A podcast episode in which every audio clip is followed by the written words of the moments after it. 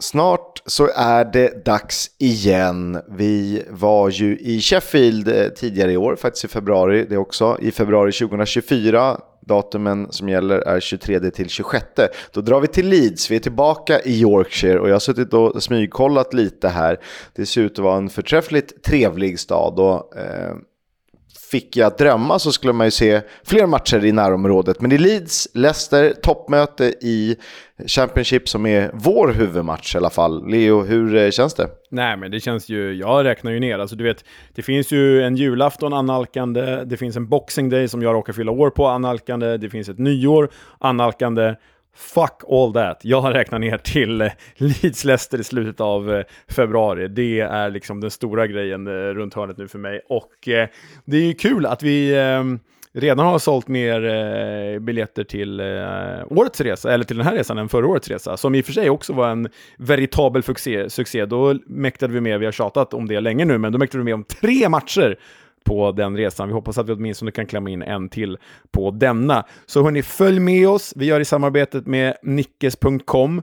Eh, vi lägger ut i våra sociala medier, främst på Twitter, länken till själva resan. Så gå in där, för platserna börjar ta slut. Det är ett begränsat antal och det blir utöver fotbollen så blir det pubhäng, det blir eh, Leedslufs, det blir eh, quiz och så blir det liveinspelning av podden på söndagen där när alla matcher är spelade. Så häng med, det blir svinkul. Det blir det definitivt. Och eh, förra eh, resans avsnitt som faktiskt heter This is England lyssnade jag på i veckan. Och jag hatar att höra min egen röst, men Fan, det avsnittet är, är, om jag får säga det själv, jävligt bra och ganska roligt att höra hur vår nivå går upp och ner. Och vi börjar ju strax innan eh, New York Stadium och Rotherham och sen avslutar vi strax efter eh, Sheffield Wednesday, Plymouth på Hillsborough. Eh, fantastiskt roligt det. Så att, om ni vill höra känslan hur det är att haka på oss till England så är det så. Jag hade ju en dröm, det är att se Leeds fredag, Blackpool lördag, Blackburn söndag när vi åker. Men det är en dröm. Ja, vi får se när eh, spelschemat bryts ut. Enda garantin nu alltså i detta paket än så länge är Leeds Leicester. Exakt.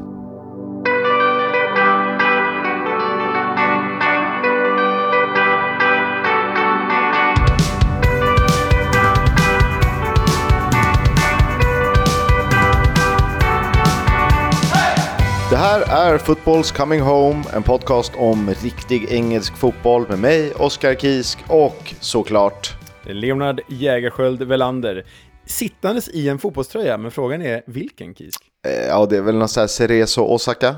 ja, den har jag i och för sig, men, men eh, nej, det är Union Berlin vet jag att du inte gillar, men eh, jag måste bara få in det att jag var ju där i helgen och det är snudd på tysk andra divisionsfotboll. Ja, det kan väl bli det i värsta fall. Ja, eller i bästa fall. De är ju lite ambivalenta till det där. De vill ju typ inte vara bra, vilket ändå är härligt. Eh, det finns fler som inte vill vara bra och det är många som gör sitt bästa för att vara kassa även i Championship. ja, ganska många så.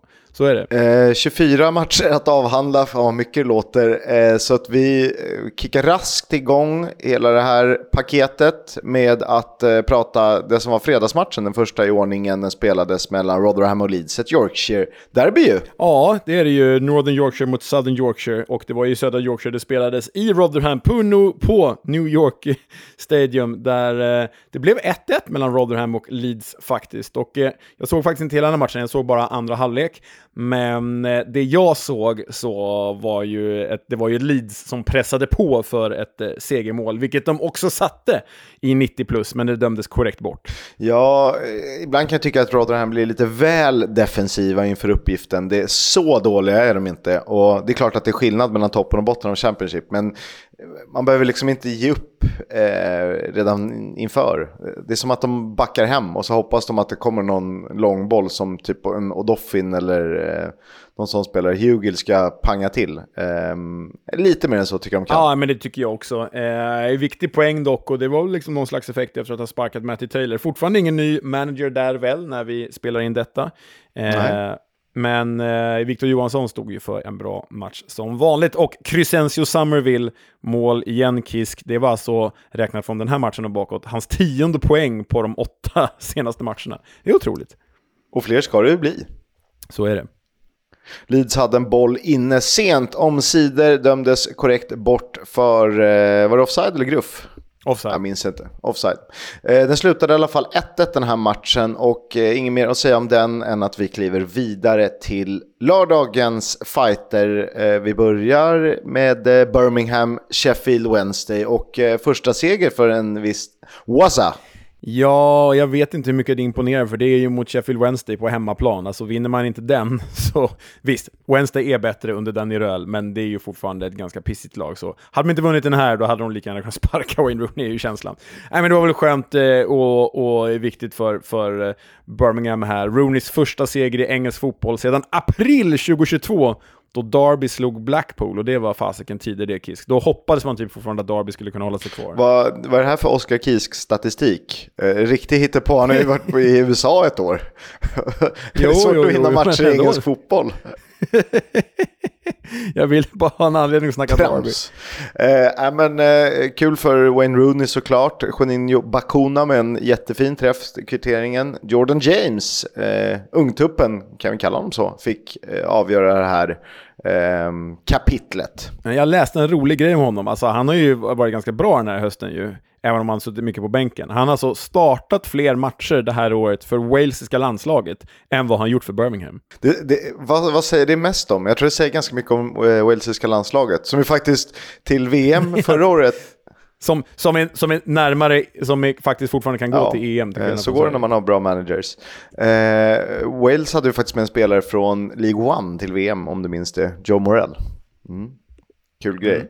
Ja, just. Tröstmål av George, George Byers. Eh, det var lite mer ledningsmål, men eh, 2-1 seger för Birmingham. Vi, vi gör så att vi går igenom ganska snabbt i helgen, stannar vid eh, enskilda eh, incidenter och sen tar vi analyserna till veckomgången.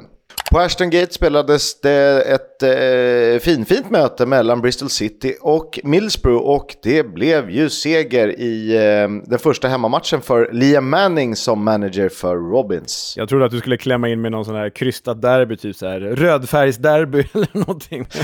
Det höll, det höll på att bli någonting med rött, men sen kom jag på mig själv att nu får du sluta, Oskar. ja, nej men eh, Bristol City ser ju direkt imponerande ut under Liam Manning. Vad var det? Kryss borta var i första matchen och 3-2 här hemma mot Middlesbrough. Vi vet ju hur bra Middlesbrough är för tillfället. Och eh, eh en, eh, en eh, som verkligen imponerat bara de här första matcherna är ju Taylor Gardner Hickman som eh, berätts en plats på mittfältet. Och här skruvade han ju in en pärla som eh, Ja, men som både Messi och Cristiano Ronaldo hade varit avundsjuka på. Det är ju liksom en perfekt båge i, i, i bortre, nät, i bortre burgaven. Ja, lite, lite Pirlo-curl på det hela. Eh, landar väldigt fint där i, i krysset. Eh, jag vet inte vad vi ska säga mer om den här matchen. Zack Weiner gjorde ett självmål. Eh, då till Middlesbroughs fördel, som väl kan kallas bisarrt. Ja, men det var ju det var ganska roligt. Det är bara titta på eh, höjdpunkterna på YouTube. Vi har fortfarande inget eh, samarbete med YouTube, det borde vi ha för vi nämner dem i varje avsnitt. Men Bristol City Middlesbrough, det, är- det är värt att titta på det där självmålet. Mm, 3-2 slutade matchen alltså. Tommy Conway, Mark Sykes, en namn vi känner igen för Bristol City, Matt Crooks målskytt för Borough. Huddersfield Southampton slutade 1-1. Eh, Det var en sen räddad poäng för The Terriers. Sista garderingen jag tog bort på eh, stryktipset i, i helgen. Jag hade kryss 2 och bara nej, nej, nej, Southampton vinner det där. Det gjorde de inte. Eh, sen kvittering av Huddersfield 87 minuten. Stark, stark pinne av The Terriers. Medan eh, Southampton är förstås extremt missnöjda eh, över det här. De hade alltså 78% bollinnehav, men bara fyra avslut på mål. Ja, det är ju eh, likt eh, Russell Martin Ball hur det var förr. Inte riktigt likt hur det har funkat under Southampton. Tur att man har Adam Armstrong då. Han gjorde sitt eh, ligamål nummer 10 för säsongen. Är ju uppe där och nosar i skytteliga-toppen. Eh, Darren Moore har ju haft det lite tufft med, eh, med skador. Och han fick ju spelare som klev av den här matchen ganska tidigt. Så att han var tvungen att spela 5-4-1. Det är inte ofta man ser någon spela 5-4-1 så tydligt eh, i, i en formation längre. Nej, och känslan var ju liksom att det var inte en fembackslinje med två offensiva wingbacks, utan det var ju en fembackslinje. Det var köttigt liksom. Ja, som det kan vara under Darren Moore. Delad poäng alltså eh, när Huddersfield tog emot Southampton 1-1. Leicester tog en Victoria, det brukar de göra ganska ofta i den här serien. 2-0 hemma mot Watford.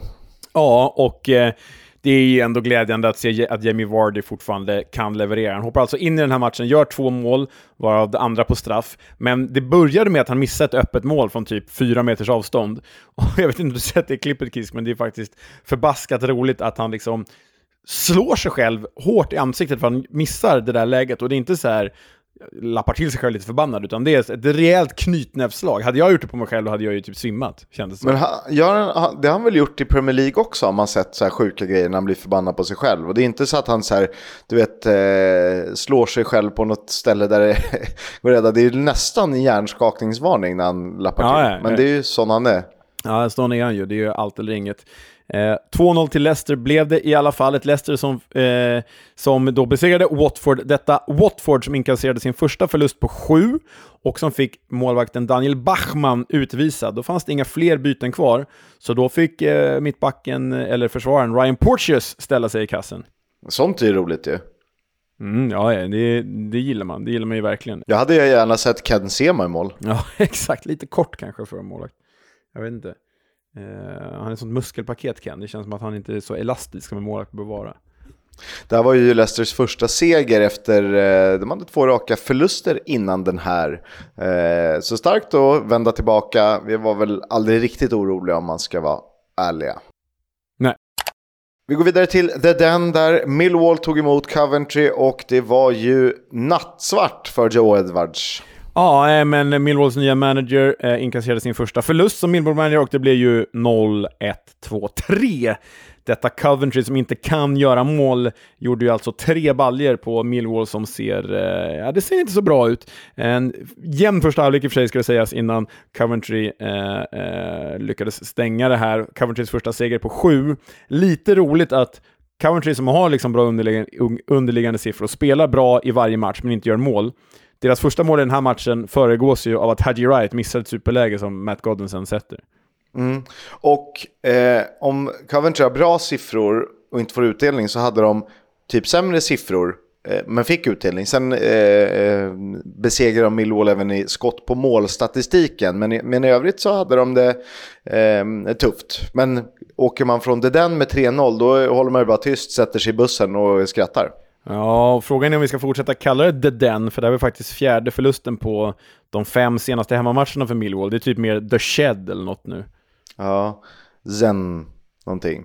Um, illa ser det ju ut för Millwall. Vi ska prata mer om dem när vi uh, går mot veckomatcherna.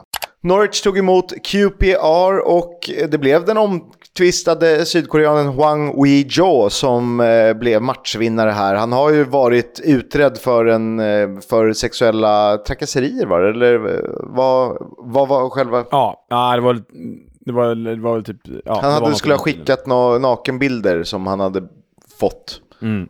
Spridit vidare typ. Lurigt.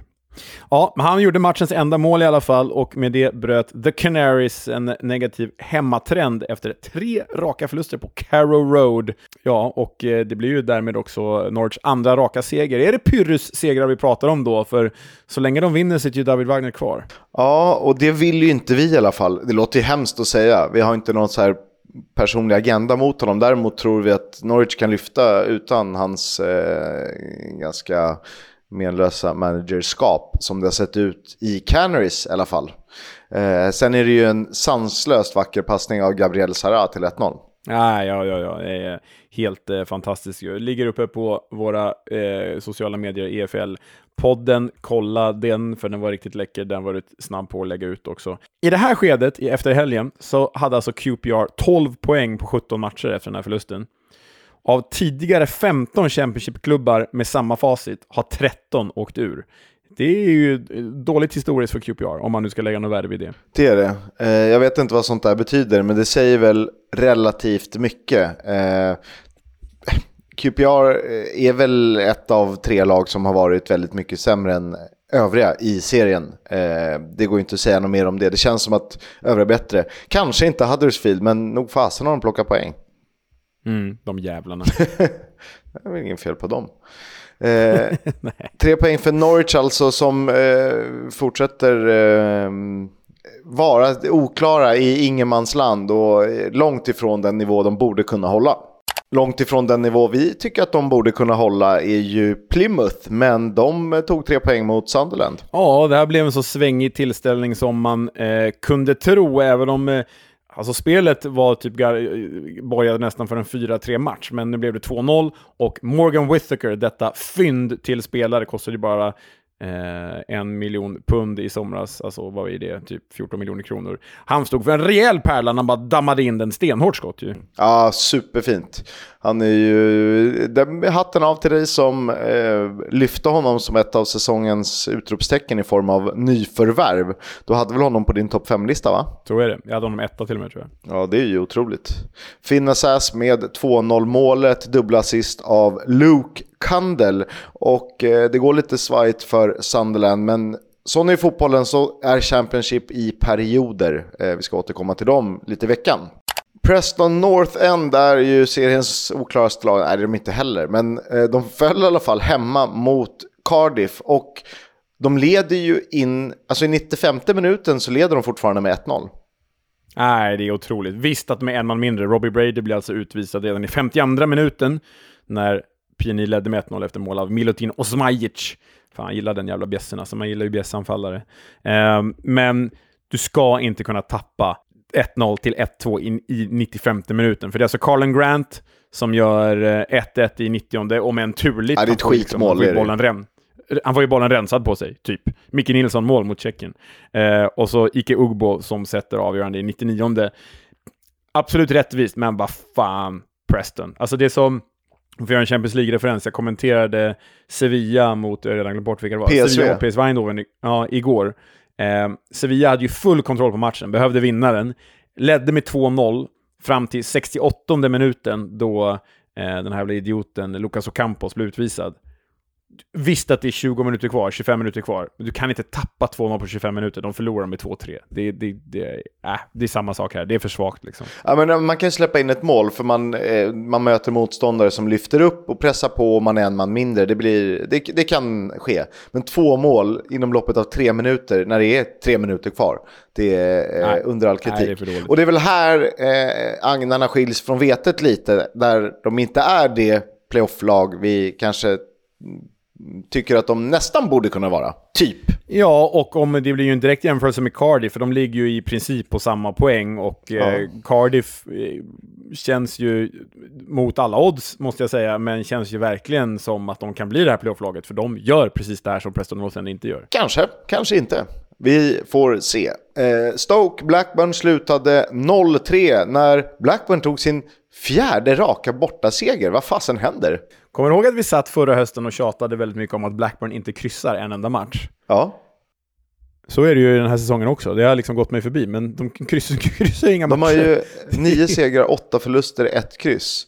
Det, de enda andra som har det är Leicester, men de har också vunnit 14 matcher, så då är det lite mer proportionerligt. Jag måste säga att är Blackburn, eh, trots att det är många förluster, då, så är det imponerande att de hänger med där uppe i toppen. Och sen 3-0 är ju liksom det är ju inget snack. Scott Wharton, eh, målskytt redan i fjärde minuten, tvingades utgå på grund av skada direkt efter det. Det gjorde inget för Andy Moran satte 2-0 i 86 och sen då den ack speciella Sami Smodic 3-0. Vad var det Leopold Wahlstedt kallade honom? Energisk? Energisk.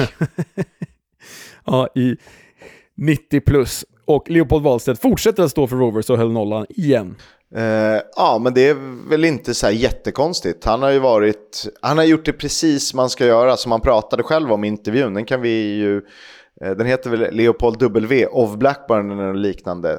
Um, rekommenderar att lyssna in på. Uh, pratar om sitt liv och fotboll och, och, och, flytten till England. Exakt. Men han verkar huvudet på rätt ställe och jag tror han har en fördel av att inte tänka så mycket Eh, när han spelar fotboll, utan han försöker bara um, nyttja sin kunskap i ryggmärgen och så uh, köra på. Men um, kul kille, är roligt att det går bra, härligt med svenskar som presterar i Championship Moran 1 plus 1 i den här matchen. Stoke blev utbuat. Ja, det känns jävligt mycket Britannia Stadium. Alltså, nog för att Stoke inte är så bra som de borde vara, men de har ändå gått fem matcher obesegrade i rad inför den här. Så torskar de och blir utbuade. Pff, jag vet inte. Skärpning Britannia Stadium skärpning eh, Britannia Stadium. Eh, så sant som det är sagt. Tonsi Hall delade på poängen där matchen slutade 2-2 och Jamie Patterson gjorde sitt första ligamål sedan mars 2022. Stämmer det? Ja, det är otroligt. Han som var så jävla bra där ett halvår före. Var han och Obafemi och Pirou?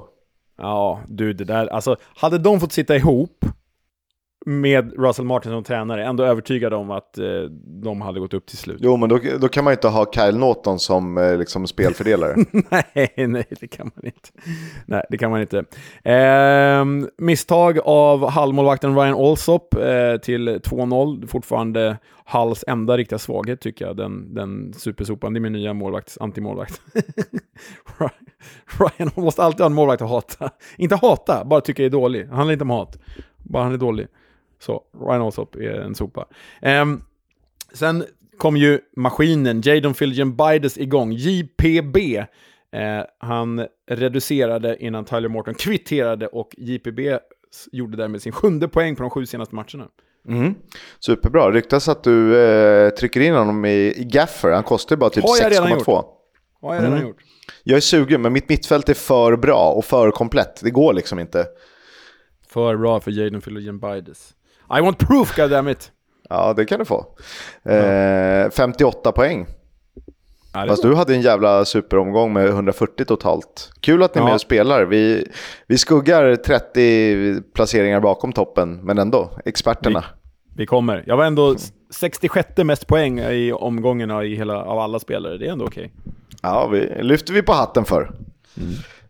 Hattar lyfts också för eh, Carlos Corberan som fått West Brom att eh, etablera sig i toppen på allvar. Inte Preston North End eh, låtsas etablera sig i, i playoff-gänget. Eh, utan eh, fasen, de är med. Ja, de är med och här var ju du bättre på det än vad jag var inför säsongen. Men eh, de är ju svinbra just nu. Darnell Furlong, ettan, Grady Diangana, tvåan. Och om jag läste rätt, Kisk, innebar det att det här var första gången sedan februari som Ipswich blev nollad i en tävlingsmatch. Oj. Ja, det är faktiskt helt sjukt. Ja, men... helt sjukt. Alltså, ett, bra cred till West Brom som lyckas med den bedriften. Två, hur fasiken har de lyckats göra mål i alla matcher sedan februari? Det är helt sjukt facit. Ja, det är faktiskt helt sjukt facit. Medan du surrar så kommer jag att kolla det här. Eh, så du får ta det vidare. Ska jag bara surra, fortsätta surra, bla bla bla. äh, men... Nej, du är ju för fan redaktör och producent, någonting mer kreativt kan du väl komma på. Nej, men eh, West Broms seger här innebar att de har då eh, fyra segrar på de fem senaste och det tar ju de in i playoff-platserna såklart. Bra för dem också är att John Swift är tillbaka efter skada. Bra för dem är att eh, John Swift är tillbaka efter skada eh, Ehm, för West Brom, dock som inhoppare, men det var ju nödvändigt för eh, kommer han in i detta så väloljade West Brom, då kan det bli riktigt bra till slut. Ja, sen svarar ju Matt Phillips för en hiskelig miss. Eh, den bollen kommer väl i hög hastighet från höger, så det är klart att det inte är lättast att träffa, men han är ju typ en meter från mål och ska ju bara peta in den med någon jäkla kroppsdel som inte är armarna, eh, så är det mål.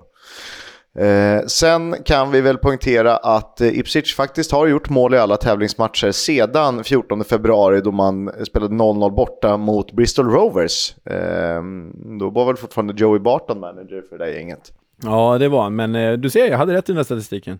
Ja, eh, 2-0 för West Brom alltså, Swift tillbaka. Det kan ju behövas när andra spelare går skadade för att vi ska kika mot veckoomgången som totalt eh, innebar 42 mål. Det är ju ja, nästan fyra mål per match ju. Ah, det är faktiskt helt sinnessjukt. Ja, det är helt overkligt. Jag skrev någon som vet rekordet och då delade jag också den där roliga från Boxing Day 63. Men jag tänker, alltså Championship sen då eh, 04 när det, när det man rebrandade andra divisionen. Vad, ehm, vad är rekordet för en omgång? Hör av er. Det lär ju säkert vara fler. Men, vi borde veta. Men, vi, vet eh, inte. vi får försöka ta reda på det, till, åtminstone till nästa vecka. Ja, du får räkna. Vi avslutade på West Brom. Vi börjar med West Brom. Eh, först ut på tisdagen. De spelade borta i Cardiff och vann sin femte av de sex senaste matcherna när eh, vi fick en sydamerikansk matchhjälte. Ja, fin pärla av Jeremy Sarmiento. Vad är han? Är han colombian? Eller ecuadorian? Colombian, va? Inte svära på det. Men eh, bör inte... Vad heter han? Runar Alex Runarsson, heter han så va? Islänningen i Cardiff-målet. Bör han inte ha den struten? Det bör han va? Jag tycker att han ska den. Jag, eh, jag är av den anledningen. Ja, eh, jag tror faktiskt att vi sågade den värvningen i somras. Jag tror att vi var tid på, på nu har han i och för sig. Ja, jag ska sluta hata målvakter.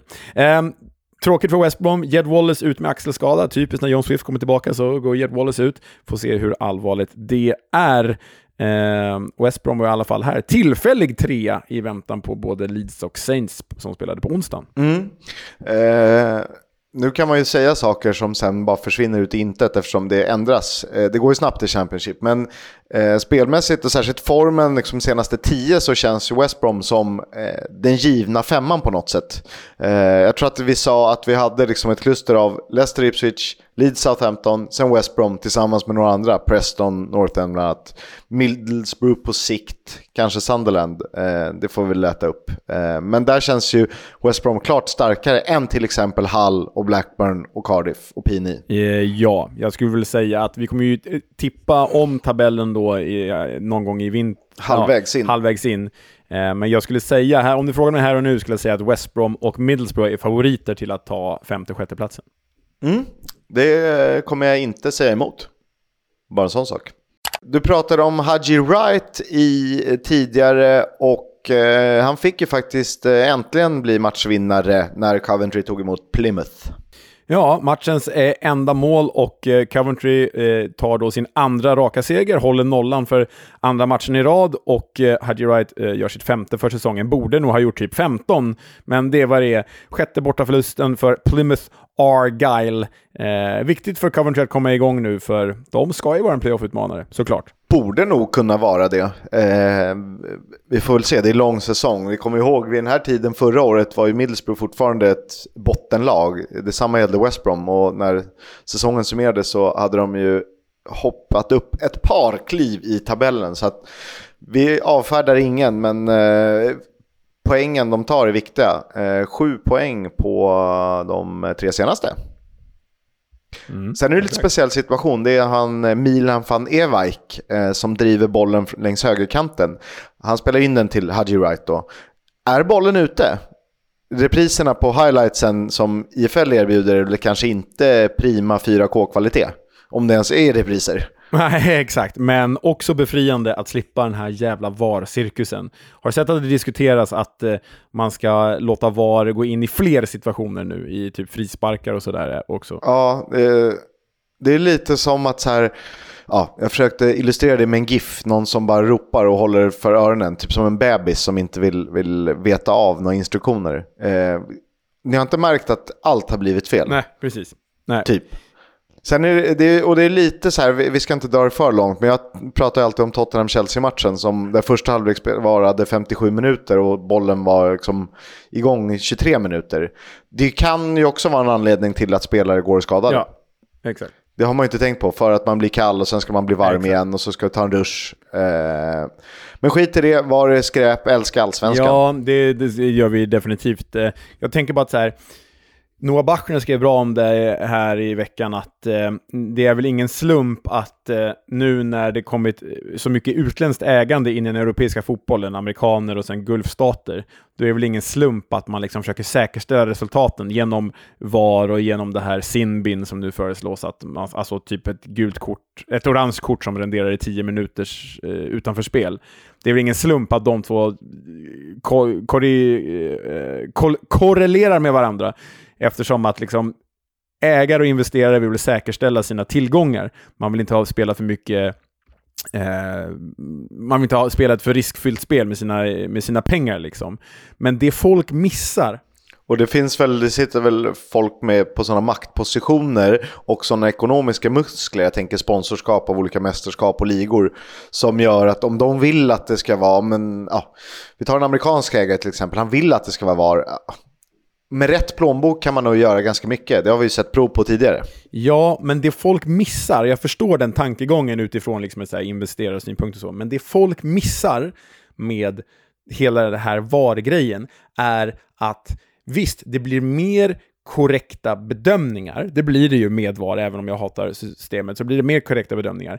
Men det gör det inte mer rättvist. För man har fortfarande, alltså det, Championship utan VAR och Premier League med VAR är lika rättvist, för man har samma förutsättningar.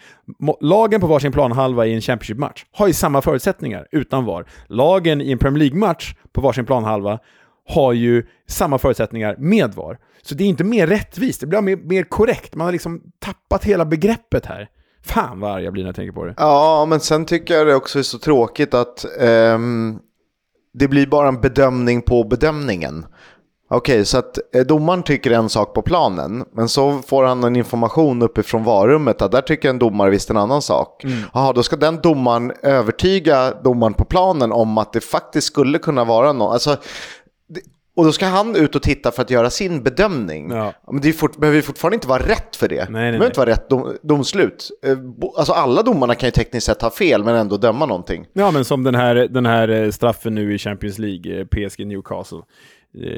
Helt befängd. Det ska inte vara straff, men det kom från varummet. Alltså, jag krigar ju fortfarande på med Marcus Danielssons utvisning i, i, mot Ukraina. Jag tycker fortfarande inte utvisning. Han äger, han äger situationen hela vägen. Om en spelare väljer att gå in med benet, ja, alltså ledsen, det är dumt. Mm. Jag tycker fortfarande att inte, och då handlar det om var de börjar sekvensen. Okej, okay, börjar det på sista eh, bildrutan, ja det är klart som fasen att det, det kan vara rött kort. Men börjar på första så är det inte det. Så det är... Och hela det här, jag vet inte om vi pratat om det heller, men alltså vi som jobbat med tv i liksom över ett årtionde. Vi vet hur stor påverkan en slow motion bild har. En domare som kastas in i det här helt plötsligt och inte liksom har den förståelsen för slow motion kommer ju tycka att allting är straff för att allting blir så extremt förstärkt i slow motion. Att titta på en bild i slow motion tar hela situationen ur sitt sammanhang. Det blir liksom, ah fan det här är bara en special vi kan prata om i evigheter. Skit i det, bort med VAR. Helvete. Och sen har du ju hela handsregeln som eh, Alltså på 90-talet när man spelade eh, Sankt Erikskuppen, då var det ju ehm, eh, oavsiktlig eller avsiktlig det, som gällde. Sen har det ju gått liksom handen in mot kroppen, naturlig rörelse. Och sen ibland får den studsa på kroppen ut på handen och inte, ibland inte. Det är ju, återigen, då blir det en bedömning för att olika domare gör sina olika versioner. Så det inte, blir inte mer rätt för det. Äh. ska vi släppa det eller? Ja, vi släpper det. Bra mellansegment eh, för de som satt och väntade ivrigt på att höra analys från matchen mellan Hull och Rotherham som slutade 4-1. En eh, tung kväll för Victor Johansson eh, som inte alls ska lastas för det här för att han räddar ganska många skott. Han räddar väl 8 av 12 skott och det är ändå rätt hyfsat på den här nivån. Men han måste ju se sig om efter ny klubb i januari. Jag tror, jag tror inte att han kommer göra januari. Han kommer ju köra, alltså, det är väldigt svårt för en målvakt att ta till sig en ordinarie position i januari. Jag tror att det blir till sommaren oavsett om de håller sig kvar eller inte. Men jag lyssnade på en engelsk podcast där de pratade om Victor Johansson och Rotherham, där de sa att eh, om det inte vore för Big Vic, som de kallade honom, så eh, skulle Rotherham ligga sist i serien. Eh, han, fortsätt, han fortsätter vara lika bra som förra året och eh, om han inte är överlägset bäst betald i den här klubben så har han gjort ett tjänstefel. Så eh, det, det ska han ha med sig, den gode Victor. Eh, det börjar bli dags att ringa upp honom ja, snart. Ja, det tycker jag verkligen. Du, Hall ledde ju alltså med 3-0 efter 20 minuter, 2-0 efter 9 minuter. Men grejen här, det är ju Jaden Philogenes klackmål. Alltså, wow. Ja, lite graffitikänsla även om graffiti gjorde en liten räd innan. En sån här slapp klack på något sätt. Ja, den är bara liksom lite dålig vinkel, ryggen mot mål, nej äh, jag kör. Och så är det, det är en sån jävla baller den här Jaden Philogene. Om man eh, bara förlorar en av de sex senaste matcherna, men då är man ett playoff-lag. Hall lägger beslag på sjätteplatsen i nuläget. Otroligt starkt. Mm. Mm, det gör de rätt i. Börjat bakifrån, eh, byggt starkt. Eh, kul att se. Scott Twine gjorde mål också.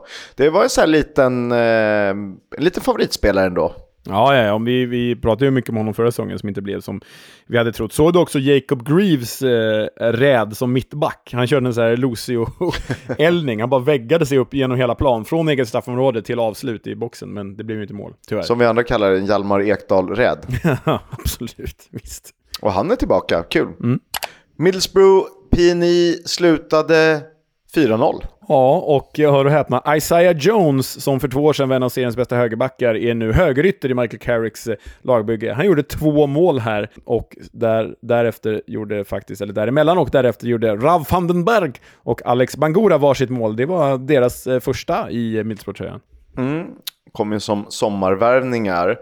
Eh, Preston North End halkade ju precis utanför playoff i och med förlusten och har alltså minus 6 i målskillnad på en åttonde plats. Och det är ju inget lag ner till eh, galna Norwich på 14 plats som har minusmålskillnad, förutom Preston North End. Ja, nej, det säger väl lite om vart de är på väg, för det här var deras sjätte förlust på de tio senaste matcherna. Och de blir totalslaktade. Det är 8-0 äh, i skott på mål för Boroughs fördel. Och det är en det, ett, åka till ett uppretat Borough är kanske inte den lättaste uppgiften heller. Precis. QPR Stoke eh, slutade 4-2 och det här innebar alltså att det tog 261 dagar för The Ars, haha vad roligt det lät, att vinna på Loftus Road. Ja, men jag blir glad ändå. Alltså, Lyndon Dykes får göra två mål, Chris Willock hoppar in och sätter efter 94 minuten. Eh, Martin Cifuentes, som jag verkligen känner, känner bu eller bä för, men får ta, ta seger här i, med QPR. Ja, jag blir glad, det är härligt. QPR ska liksom... Visst, de kan få svettas lite, men de ska ändå vara kvar i den här serien. Jag blir riktigt glad. Och dessutom är det en extra dimension när Stoke, som jag tippat som säsongens flopp, eh, går åt helvete. Så det gläder mig också. Uh, ja, var och en uh, blir salig på sin tro. Men Lyndon Dykes andra mål, uh, som då alltså innebär 2-2 om jag räknar rätt, är ju fasen vad det är ett nummer 9 mål. Ja, ja, ja. Från den gamla skolan, liksom tar emot, göra sig stark, trycka ifrån, vända upp, snurra runt och sen smack in lågt.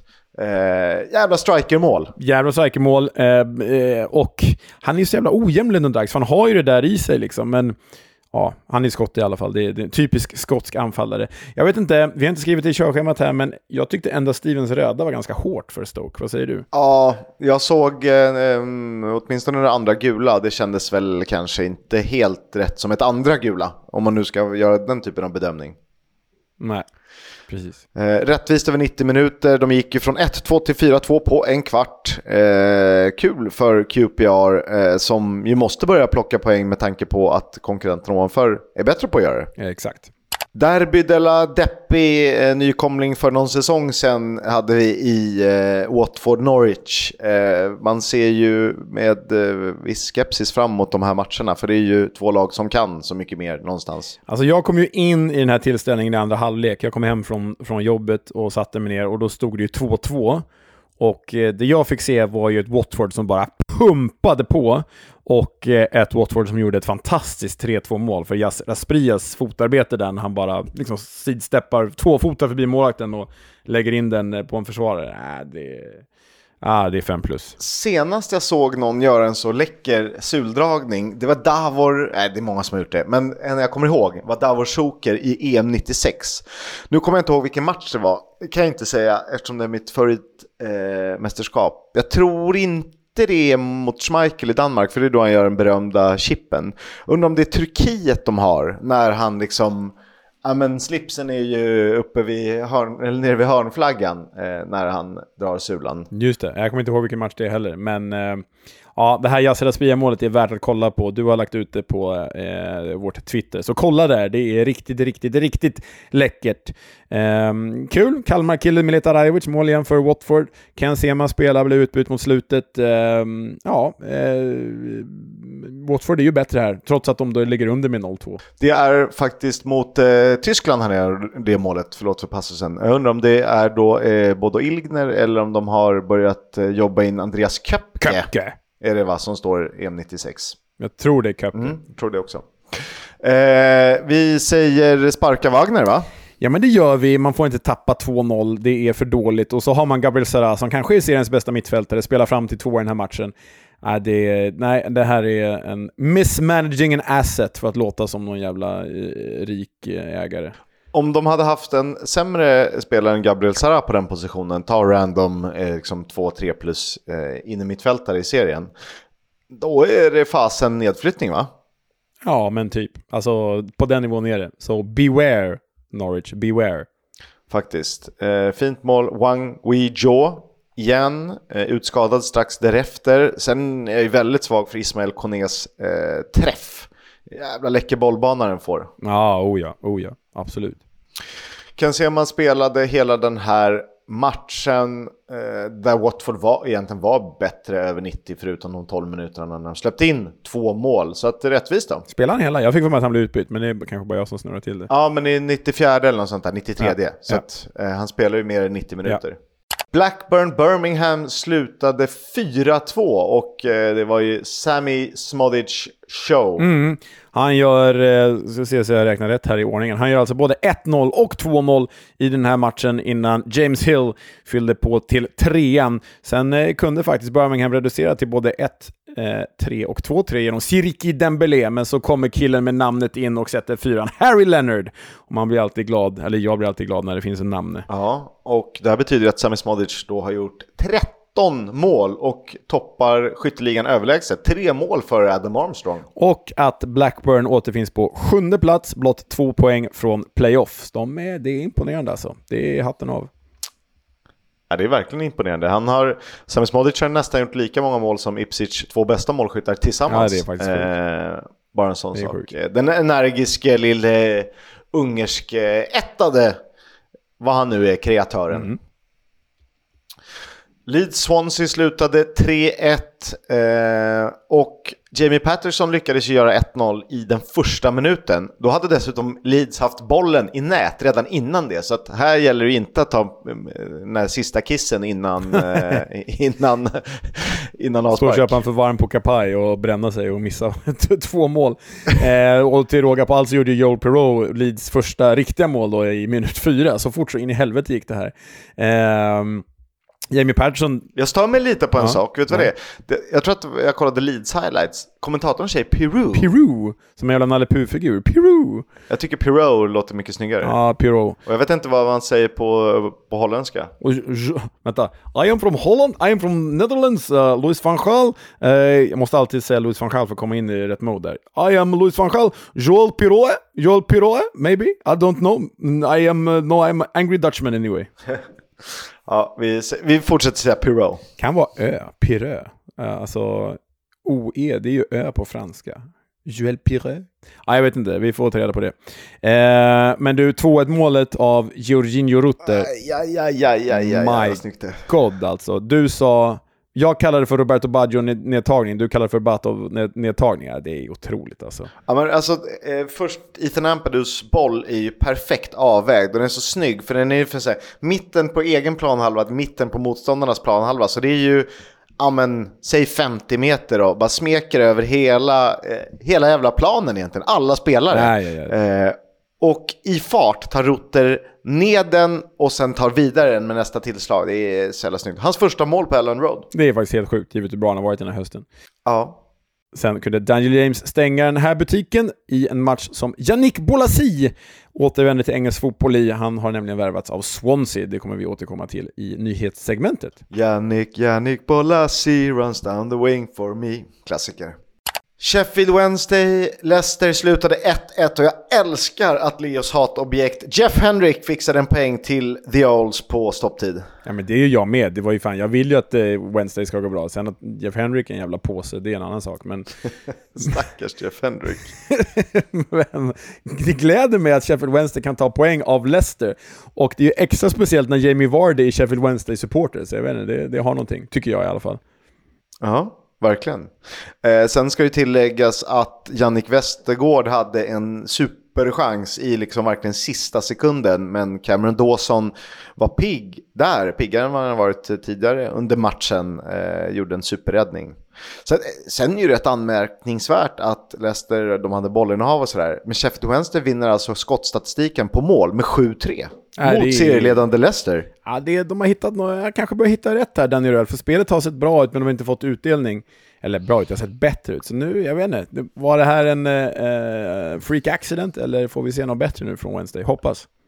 Ja, men jag tycker att spelmässigt och det man har sett på highlights eh, och det man har läst så ser det väldigt mycket bättre ut under Danny Röhl. Han har liksom implementerat något som funkar. Jag undrar bara om spelarna är kanske lite för dåliga position för position. Att han, det funkar, man skulle behöva en bättre striker, kanske en Barry Bannon i något bättre form. Någon försvarare med lite mer, eh, lite mer pondus, typ en eh, Aiden Flint eh, som de skeppade. Eh, och kanske en lite bättre målvakt. Ja, eh, jag är väl eh, med dig där. Sen om man tittar på Leicester, alltså de har bara en seger på de fyra senaste nu. Kris! Ring the bells. De har ju vunnit 13 på de, eh, vad är det, 14 senaste. Så att det är helt okej det också. Skapat sig någon slags mellanrum ner. Så är det. På tal om andra topplag, som eh, ett som går väldigt bra för stunden är ju Saints. Southampton tog sin tionde raka, eller noterades för sin tionde raka utan förlust när de besegrade Bristol City med 1-0. Ja, Kyle Walker Peters, KWP! Spurs Legend. Ja, Spurs fick du säga det också, med matchens eh, enda mål. Bristol City, helt okej okay i den här matchen faktiskt. Jag tycker det ser bra ut under Liam Manning och man kan, kan väl inte begära att de ska åka till eh, Southampton och vinna. Så eh, de ser stabila ut måste jag säga under Liam Manning de här första matcherna. Eh, men eh, ja, Soton är ju i form. Ja, det tycker jag också. Eh, om man ska vara överdrivet positiv till tränarbyten. Så här var ju helt rätt. Vi tyckte ju inte att Nile Pearson var rätt man på sikt. Och jag tycker verkligen att Liam Manning har visat eh, tendenser med sitt lag här. Jag tycker de pressar bättre, jag tycker att de är mer kompakta, jag tycker de är smartare när, när de försöker vinna boll. Eh, sen eh, också piggare framåt. Det är inte de hoppas inte på att eh, Tommy Conway eller Sam Bell ska dyka upp på returen på någon så här Mark Sykes eller Cameron Pring eh, snedträff. Eh, utan det känns som att det finns någon idé framåt också, att de anfaller med mer ja, pondus, energi. Vi har ändå kommit långt i livet när vi sitter och slänger ur oss namn som Cameron Pring och det är bara självklart för oss. Vad fan håller vi på med egentligen? Självklart. Alltså, snart, jag tycker Championship börjar bli för kommersiellt. Så jag är lite sugen på ner i League One och börja köta. Om, man, ja, om det ens finns highlights från de matcherna. Det är, här, det är typ AI-genererade matchrapporter som baseras på vem som har gjort mål och vem som har skjutit skott. Jag tror det. Vi går vidare till ett lag som inte har det så jävla lätt. De är också rödvitranare. De heter Sunderland, möter Huddersfield och Alltså en playoff-kandidat som faller mot seriens, eh, ett av seriens sämsta lag. Ja, och så släppte de dessutom in mål från den här jävla Super Mario-skurken Delano Burgsorg. Zelda-bossen. Zelda-bossen, precis så var det. Uh, nej, men uh, Sunderland, det, det går risigt nu alltså. Två raka förluster, bara en seger på fyra, fem förluster på åtta. De liksom panikslänger in Bradley Dack för att någonting ska hända. Ingen av deras jävla anfallare verkar fungera, trots att de mm, liksom kommer från alla världens hörn. Nej, jag vet inte. Jag, jag är verkligen jag som har tryckt på att Sunderland ska vara ett playoff-lag, men just nu, mm. Ja, det känns eh, verkligen... Eh, min tanke när jag satt och skrev körschema till det här var eh, lekmananalysen är att de är ett väldigt ungt lag. De har ju haft hyfsat stor rotation på spelare, särskilt nyckelspelare. Ross Stewart ut, eh, Ahmad Diallo ut. Mycket ansvar vilar på Jack Clark och kanske en spelare som Patrick Roberts som är bra i alltså Championship-mitten, men inte liksom utslagsgivande på den nivån som då Diallo eller Stewart. Eh, och då, där har de egentligen bara Jack Clark och snittålder på 21. Så att det går nog väldigt mycket mer i vågor när det är den typen av lag än eh, om det är ett mer samspel. Alltså Leicester, hade de inte varit topp 2-3 så hade det varit katastrof givet vilka spelare de har, rutinen, vet hur man ska agera i vissa situationer. Det är min lekmananalys. Mm, jag tror att det, eh, det, kan ligga något i det. Så får vi vänta in ett Ahmad Diallo-lån i januari också, för det kan ju betyda väldigt mycket. Ja, det skulle... Uff, oh. Jack Clark, Ahmad Diallo på varsin kant. Äh, det är bara tack och godnatt. Så är det. Eh, veckans sista match spelades mellan Ipswich och Millwall och eh, det blev som det brukar när Ipswich spelar många mål. De är ju målgladast i serien, totalt 36 gjorda. Här vann de med 3-1. Ja, Connor Chaplin, Massimo Luongo, Tottenham Legend han också. Spurs eller? Legend. och Nathan Broadhead 1-2 och 3-0 innan Kevin Nisbet kunde reducera för Millwall. Alltså Millwall, en seger på åtta. Det är, jag börjar få lite, lite ont i magen för det som jag trodde kunde vara en playoff-kandidat här. Ja, nu var ju inte QPR playoff-kandidat förra säsongen, men Millwalls förfall nu, det är lite som när man såg QPR förra säsongen. Man är så här, hoppas en, eller i och för sig, de var ju playoff-kandidat förra säsongen eh, ett tag. Man såg dem där uppe, de var väl serieledare till och med, och sen bara försvann de ner, rasade i systemet. Eh, och Millwall kanske har överpresterat under Gary Rout, men det här är ju alldeles för dåligt. Vad, vad fasen ska de göra? Nej, alltså jag... Om man liksom jämför Bristol Citys tränarbyte med Millwalls tränarbyte, så är min lekmananalys att Nigel Pearson till Liam Manning är rent fotbollsfilosofiskt inte så stor förändring.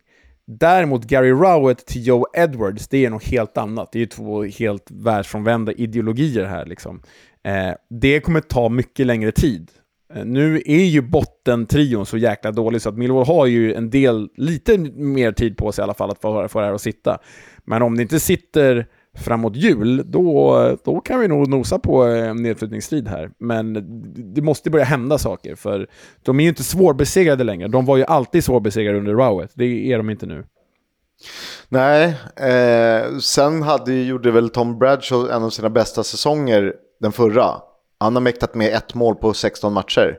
Eh, Sian Fleming som ju ska vara ledaren eh, för det här laget, perfekt ålder också. Han har gjort fyra mål på 18 matcher. Eh, Kevin Nisbet eh, har gjort tre på 15. Eh, och det är väl de tre som ska vara de liksom klarast lysande spelarna i det här laget. Ja, och så liksom, Sian Fleming har ju gått från att vara en liksom, holländsk gud till en nederländsk halvfigur. Det är ju liksom väldigt stor skillnad på honom. Och sen vad hette han, eh, backen som gick tillbaka till Leeds, som inte får spela i Leeds? Är det Cooper eller? Mm, har Jay Cooper gått tillbaka? Det har jag i så fall missat. Nej, vem är det? Vem är det? det var ju någon de hade inlånad från eh, Leeds förra säsongen.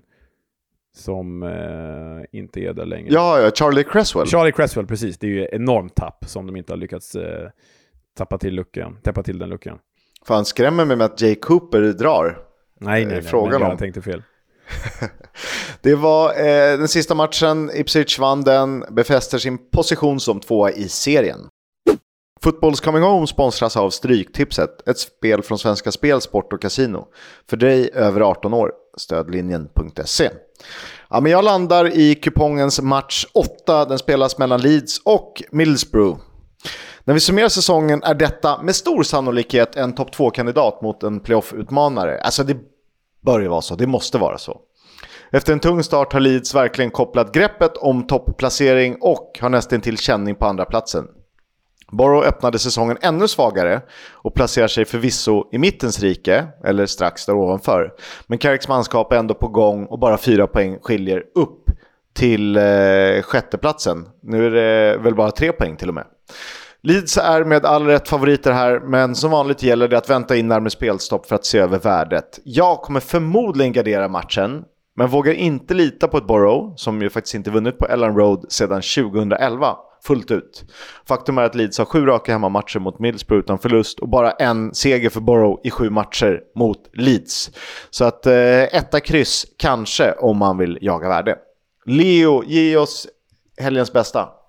Fredag, Preston North End QPR. Älskar de här fredagsmatcherna. Tratpipsvängen. Frågan om jag hinner se den. Jag ska ju se Solen på Cirkus, eh, Sveriges eh, just nu bästa band. Det har jag aldrig talat om, men kul. Det låter roligt med konsert. Nej, men den är ju, det är ju eh, liksom uppladdningen inför den tidiga fighten på lördag. 13.30 West Brom Leicester och tro fasiken inte att West Brom kommer vinna. Eller tror fasiken inte... Jag vet inte, jag försöker säga att West Brom kommer att ställa till det för Leicester. Ja, det hade varit lite roligt för serien också. Eh, det hade varit kul om det hände lite saker uppe i toppen, eller hur? Ja.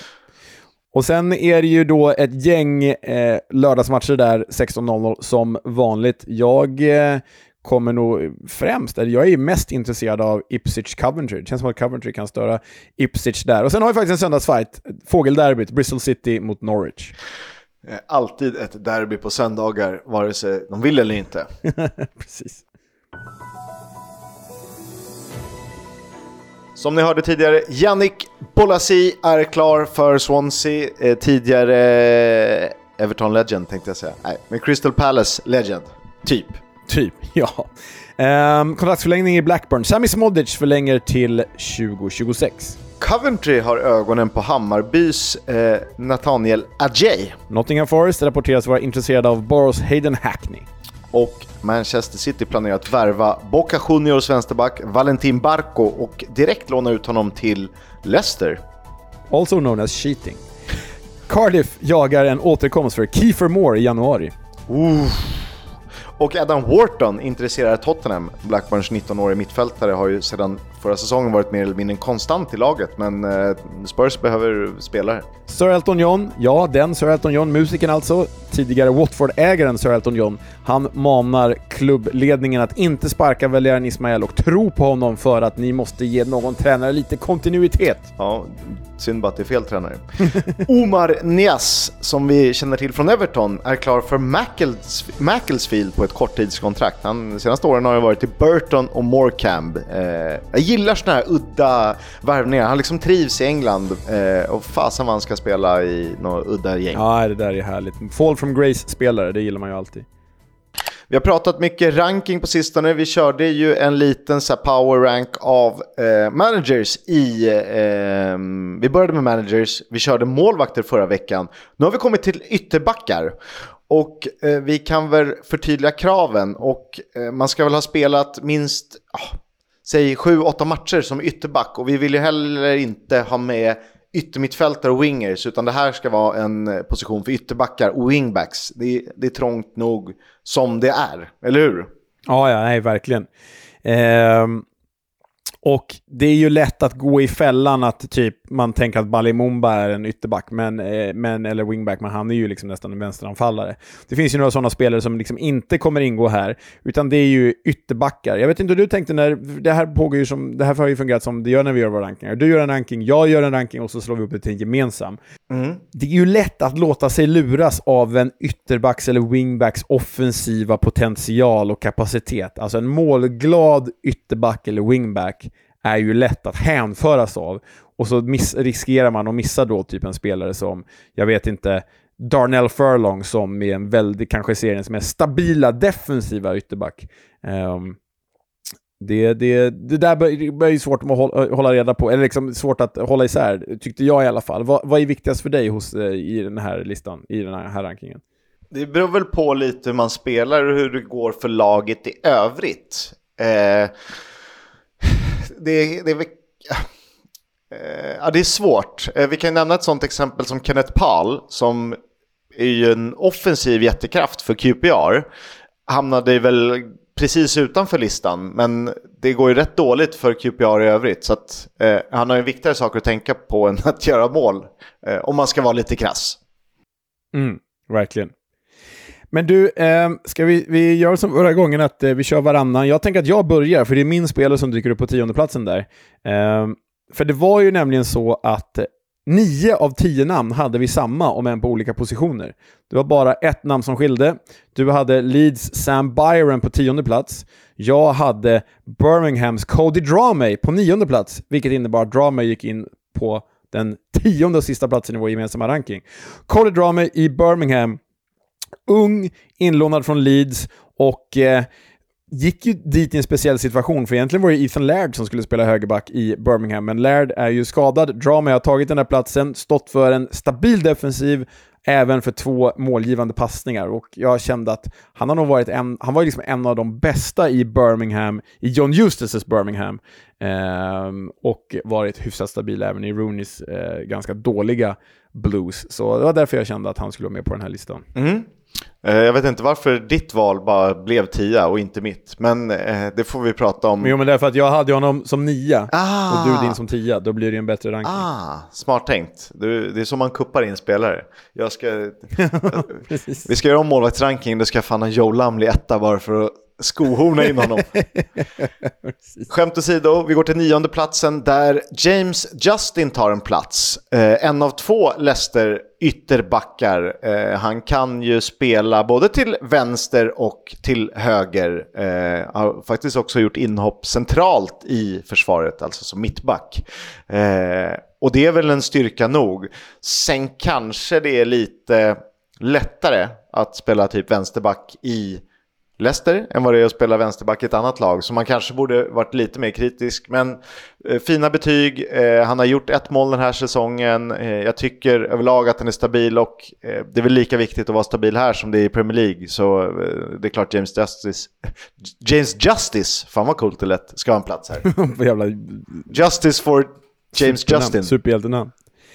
Sjunde plats, hittar vi i... Nej, Åttonde, förlåt, åttonde platsen ja, hittar vi i Sunderland och det är Trey Hume som vi båda hade i de trakterna på våra listor. Trey Hume kan ju faktiskt gå både höger och vänster, även han. Eh, det fick vi se prov på eh, förra säsongen, bland annat när det var mycket skadeproblem i Sunderland. I år har han stått för 1 plus 1 och enligt Who Scored har han eh, en av de bättre snittbetygen i 7,05. Trey Hume, tycker jag, står både för den här offensiva flärden man, man önskar av en ytterback, men också en ganska stark defensiv stabilitet. Så ja, nej, han, vi är ju båda överens om att han ska vara här någonstans på den här listan. Eh, det är vi definitivt. Han, var ju, han började under förra säsongen redan etablera sig som ja, hyfsat toppnamn i serien på sin position. Vi går vidare till Darnell Furlong som jag verkligen tycker har tagit kliv. Hade du frågat mig för ett år, eh, ett år sedan eller ett och ett halvt år sedan hade han nog inte eh, varit lika aktuell. Kanske inte har högst betyg enligt Who Scored, men eh, det skiter vi i om vi tycker att en spelare är tillräckligt bra. Spelar väl eh, någon form av wingback beroende på hur laget formeras, eh, men han gör det till höger. Han är ju skicklig med bollen. Ibland lite risky tacklingar, men noterats för 2 plus 1, vilket jag tycker är väldigt, väldigt fina siffror i, i detta West Brom som ser superbra ut under Corberan, så att eh, han är given för mig. Ah, jag bara instämmer. Jag eh, skulle nog gå så långt som att säga att jag tycker att det här är seriens näst bästa defensiva ytterback. Eh, den enda som är bättre är nog Perry NG, men han återkommer vi till. Då har vi då i vår gemensamma nästa seger Ricardo Pereira, denna eh, portugis, eh, portugisiska landslagsman till och med var tidigare i Leicester. Där har vi Leicesters andra ytterback då. Lite speciellt med Ricardo Pereira i år. Han har spelat ganska mycket central mittfältare också, men eh, det här är ju byggt på prestationer nu och historik, för vi vet ju att det här dessutom är en ytterback som har levererat i Premier League tidigare, så nej men Ricardo Pereira är ju egentligen för bra för den här serien, skulle jag vilja säga. Ja, eh, och då blir, på ett sätt blir det ju fusk. Men som jag sagt, det här är någon form av power rank. De som har varit bäst under säsongen. Och det är klart att ibland räknas det in eh, gamla meriter, ibland eh, blir det svårt att göra det. Eh, men det är klart, han är ju jättebra. Så att det känns som att han går på 80% och ändå är en, en topp 5-back, Exakt, eh, ytterback exakt. i serien. På femte plats, Kian Höver i Stoke. Han har gjort ett mål och två målgivande passningar den här säsongen. Eh, jätte, jättebra, bara 21 år gammal, kan äga sin högerkant, kan eh, verkligen ta med sig bollen högre upp i banan och eh, vara utslagsgivande i form av, av målskytt och assist. Superfin passningsfot, bra på att dribbla, eh, bra på att vinna tillbaka bollar. Jag tycker att det är en ganska komplett mittback får jag ändå säga det här. Jag kände med Kiana Höver att eh, jag hade honom ändå ganska högt upp på sjätte plats tror jag. Eh, jag kände att här var det lätt, kände jag mig, jag, var lite, jag är lite rädd för att jag är lite lurad av honom, att, man, att det här är en sån spelare man stirrar sig blind på offensiven och så, så eh, kanske man glömmer bort att han är svajig bakåt. Jag vet inte, det är bara en liten så här Kanske, men eh, kan han inte få vara det i ett bra lag då som har eh, stabila mittbackar som täcker upp eller kanske en trebackslinje med tre centrala försvarare där han får som frilejd längs kanten. Mm, absolut. Fjärde plats, eh, kanske den mest kompletta eh, ytterbacken av alla här. Eh, det är ju Spurs Legend och Kyle Walker-Peters i Southampton som eh, ja, men varit förträffligt bra. Gjorde ju mål nu senast, hans första för säsongen. En, eh, ett mål, två assist har det blivit och inkasserar ett av de högsta poängen. Eh, fjärde högst, nej, femte högsta av ytterbackarna i enligt Who Scored. Eh, Kyle Walker-Peters är ju en, eh, precis som Ricardo Pereira, en Premier League-spelare egentligen. Ja, alltså eh, det är väl hugget som stucket. Jag kanske tycker till och med att Kyle Walker-Peters är ännu lite, lite bättre. Kanske till och med seriens bästa ytterback om vi ser totalt sett. Eh, inte power rank, men eh, med förutsättningar. Vi går vidare till trean på listan. Eh, ett till dubbelnamn som klämmer sig in. Det är vår jazzmusiker Joe Rankin Costello. Jag var lite så här osäker, fasen ska han vara så högt upp? Jag hade någon som fyra, du hade någon som fyra också. Eh, ska han vara så högt upp? Eh, men jag tycker ändå att, och här är ju risken att man faller i fällan återigen med, eh, med att titta på någons offensiva kvaliteter. Han har gjort 2 plus 2 hittills. Han har vikarierat som en av två tior bredvid Sami Smodic. Eh, men det tycker jag också talar om hans skicklighet eh, med bollen. Eh, han är lite för bra för att spela högerback, men var ska vi sätta honom någonstans? Men jag tycker att eh, han är en jävla härlig spelare att titta på. Dock inte så höga betyg, vilket kanske vittnar om att vi är helt snett på det just nu. Men eh, jag håller faktiskt inte riktigt med WhoScore där och de mäter ju på andra, eh, efter andra värden så att säga. Ja, jag tycker ändå att han bör vara en topp fem på den här listan i alla fall. Och eh, då kan han väl lika gärna vara tre. Varför inte? Sen kommer vi egentligen till eh, det stora överraskningsnamnet då, i alla fall om man ser till inför säsongen. För på andra plats har vi Perry Ing, eller NG som engelsmännen säger. vet inte fan vad walesarna säger där i Cardiff. Men eh, Perry Eng. Han har alltså gjort tre mål, stått för en assist och ändå är han typ seriens bästa defensiva ytterback. Då är man ju komplett om något. Han har väl högst betyg av alla ytterbackar enligt då nämnda Who Scored och varit en jätteöverraskning den här säsongen i ett Erol Bulut-försvar med Cardiff när eh, han greken eh, Gotas, Gotas ja. också eh, överraskat rejält. Och de har verkligen, verkligen, verkligen satt försvaret och eh, imponerar som fasen.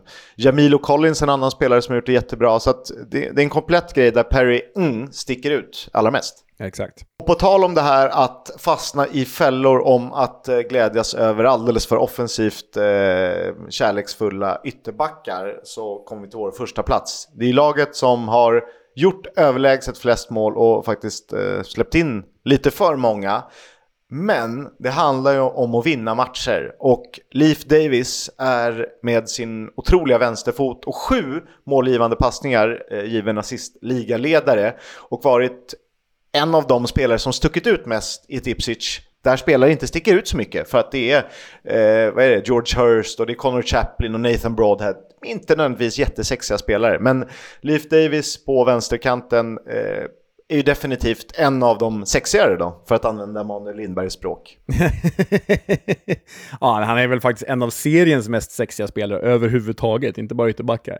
Nej, men det här tycker jag är en eh, solklar rätta. Nu har vi alltså rankat målvakter, vi har rankat tränare, målvakter och ytterbackar. Och är det Ipswich etta på alla tre? Var det så? Eller vem hade vi som bästa manager? Um, hade vi... Det, det, det var väl Kerr McCann? Ja. Och mål... Ja, är alltså Ipswich bästa Tränare, målvakt och ytter hittills. Ja. Äh, ytterback. Ja. Vi får se eh, frågan om de har mittback också. Det tror jag inte eftersom man släppte in 24 mål. Det tror inte jag heller. Det tror inte jag heller. Wolfenden platsar inte. Nej. Eh, kul att göra de här eh, listorna tycker vi. Och ni får gärna tycka till. Eh, vi kanske ska bli bättre på att dela hela listan. Så får ni väl eh, säga vad ni tycker. Exakt. We'll have a chat about the fucking game. About your game, last few months, last few weeks. Fucking character. Eh, Leo, Fuck! Eh, du som jag har gjort dina försök att ta över världen som manager, om än eh, digitalt och i cyberspace. Eh, och jag minns med värme mina säsonger tillsammans med min eh, sommarpolare. Eh, så körde vi alltid Real Betis. de hade naturligtvis Joaquin, de hade Juanito, de hade Arzo, de hade David. Arzo, Ja, de här, jag har träffat eh, Artso David Rivas. Det var typ fem pers som likade det inlägget. Jag blev besviken. Fan, Va? Hur gjorde du det? Koll på fotboll. Jag var ju och såg Betis Sevilla eh, i, ja, i Sevilla och då fick jag chansen att hänga i en sån här eh, heter det Pen, nej vad fasen, heter det Penja eller? Eh, ja, ja, de supportergrupp liksom. Supporter, ja. ja, och de, Penjas, de har ju så sina egna sällskapshus där de hänger inför matcherna. Det är en det är liksom inte pubbar utan de sitter typ och spelar schack och dricker något eh, spetsat te. Och så bjuder de in eh, motståndarsupportrar och så sitter de och hänger innan matchen så tar de en buss och så eh, går de på matchen. Och då träffade de här gökarna. Men de hade också en kille i B-laget, Betty, som heter Pablo Nino som blev helt vansinnigt bra eh, om man plockade upp honom i rätt tid. Men eh, kan man applicera football manager på riktigt tror du? Ja, men det vet vi ju, det vet vi att man kan. Eh, det är inte liksom så jätteuttalat, men det, det, det händer ju faktiskt. Och det har hänt nu. Ja, eller hur? Eh, ja, för det är så långt, jag var tvungen att sälja det. Eh, ja, men det är nämligen så att eh, Andy Woodman av alla människor, manager för eh, ja, National League-laget Bromley, han eh, berättar att de använder Football Manager eh, nu för att eh, få tag i, vad säger man, en, en analytiker eh, till deras eh, tränarstab. Vi kan väl lyssna på vad han säger. We're going to add someone to our team that can give all of that insight and look at the opposition we're playing up against, give us some tactics and some uh, some information that will just help us, uh, you know, against our next opponents and, and against the opponents we've just played. Um, when, when I was at Arsenal and Newcastle, we had loads of these uh, people to hand. So at Bromley, we, we obviously haven't got the finances like these big clubs now. So we, have got an opportunity now to, to bring someone in and they can work you know, really closely with us and, and be a part of our team. Ja, alltså det, man, man faller inte av stolen av garv som vi gärna vill att man ska göra i det här segmentet, men det är ju ändå lite eh, galet och egentligen anti-Warnock att ta till Football Manager för att få tag i, i riktig personal till, sitt, eh, eh, till sin fotbollsklubb. Ja, jag gillar det här ändå, det är framtiden Chris. Ja, men det är också lite så här, ja men vi har inte råd som de stora att anlita, så att vi, vi får fixa på det här sättet. Ja, det är härligt ändå. Ja. ja, det är härligt. Det är kanske den sämsta veckans Warnock, men eh, eh, någonting har den ändå. Verkligen. Eh, tack för idag, tack till Stryktipset som är med oss. Glöm inte boka resan via Nickes, ni hittar länken i sociala medier. Eh, någon mer innan vi tackar för oss? Eh, nej, det tror jag inte. Då säger vi adjö. Hej, hej.